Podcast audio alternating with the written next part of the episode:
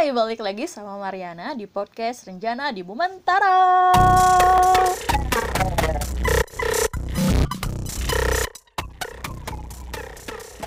Sekarang kita ada di hari ke-29 dari 30 hari bersuara yang diadakan oleh The Podcasters Indonesia. Tema hari ini adalah kilas balik. Wow, menunjukkan sekali kalau 2020 bakal selesai ya. Kalau aku runut ulang, rasanya tuh baru kemarin loh bulan Januari. Baru kemarin banget aku akhirnya bisa kerja pagi terus. Masuk jam 8, pulang jam 3. Berangkat ketemu matahari, pulang juga ketemu matahari. Well, sekarang malah udah siap-siap pindah ruangan lagi. Kalau melihat kilas balik di 2020 yang aku jalani, gak banyak hal yang kejadian. Padahal hari-hari lainnya, di tahun-tahun lainnya kejadian. Aku jadi ingat bulan Maret lalu, ketika pandemi corona ini melanda di Indonesia, aku yang biasa datang ke kampus seminggu sekali buat ngasdos di praktikum biokimia, akhirnya harus praktikum online. Praktikum kimia online. Bayangkan coba gimana susahnya. Jadi tiap minggu aku nyiapin materi siapin modul dadakan, nyari video-video, cari gambar-gambar, cari banyak arti dari pengertian. Dan waktu itu sedihnya, tim asisten itu sebenarnya ada tiga orang. Yang satu asisten akademik, yang statusnya masih mahasiswa, diberhentikan menjadi asmik karena praktikumnya online. Dan biasanya asmik itu kan bantuin asdos. Kita perlu apa, mereka bantuin. Jadi waktu itu asistennya berdua. Dan ternyata dari kampus aku yang dipilih. Jadi dari berdua ini teman aku tuh udah S1 dan aku kan lulusan D3. Aku sempat bilang sama dosenku, Bu kok saya?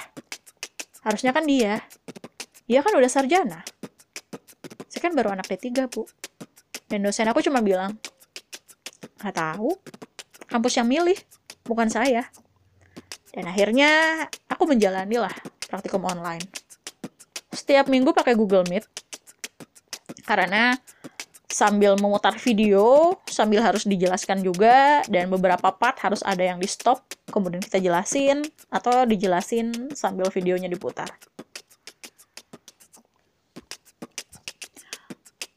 Aku ingat waktu hari pertama praktikum online, itu kan dosennya ada dua dua-duanya hadir. Dan setelah perkenalan, dosen itu langsung bilang, "Mangga, Mariana." Lalu menghilang. Ada sih di situ, cuman suaranya nggak ada. Jadi aku tuh beneran kelabakan. Hah, aku harus ngejelasin apa gitu akhirnya buru-buru ngambil modul, buru-buru ngambil skripsi. Jadi materi-materi yang ada di modul itu diambil dari skripsinya dosen aku. Dan skripsinya dosen aku itu lagi aku pegang buru-buru di situ terus aku muterin video ngejelasin juga munculin gambar-gambar dan dosen itu mantau. Dan ketika aku ada yang kurang menjelaskan atau misalkan ada pertanyaan dan aku nggak bisa ngejawab baru dosennya muncul. Kali pertama praktikum masih deg-degan. Kali kedua kali ketiga kali keempat. Akhirnya sudah jadi kebiasaan. Karena memang tidak ada praktikum yang offline kan, semuanya online. Ganti semester, praktikumnya masih online. Dan sempat satu kali ke kampus, kalau nggak salah, waktu tanggal 1 Desember. Dan itu aku akhirnya ke kampus lagi setelah 8 bulan. 8 apa ya? 7? 8. Ya udahlah pokoknya sekitar segitu. Akhirnya ke kampus lagi, dalam praktikumnya jadi offline timnya cukup banyak waktu itu asistennya dua asmiknya juga dapat dua dosennya juga ada jadi merasakan kembali keasikan ngasdos meskipun memang lebih ribet Karena satu kali praktikum itu biasanya 20 orang dan sekarang jadi cuma 8 orang. Satu meja biasa berlima, ini satu meja jadi berdua. Alat-alat pakai sendiri, dan lebih ribet karena lebih banyak alat yang harus dipersiapin dan lebih banyak waktu yang kepake. Tapi sebenarnya lebih fokus karena ada empat orang asisten dan masing-masing bisa pegang dua orang. Jadi kita cukup berdiri di tengah-tengah, lihat kiri kanan. Mudah-mudahan pandemi bisa berakhir dan aku bisa ngasdos offline lagi. Feel-nya tuh beda. Melihat lagi ke 2020, lebaran ini tampaknya adalah lebaran yang benar-benar sunyi. Karena udah sholat id, langsung pada pulang gak mudik, gak mengunjungi keluarga. Berasa hidup tuh cuma di rumah doang. Tapi, ketemu dengan dunia podcast, bikin 2020 aku lebih berwarna.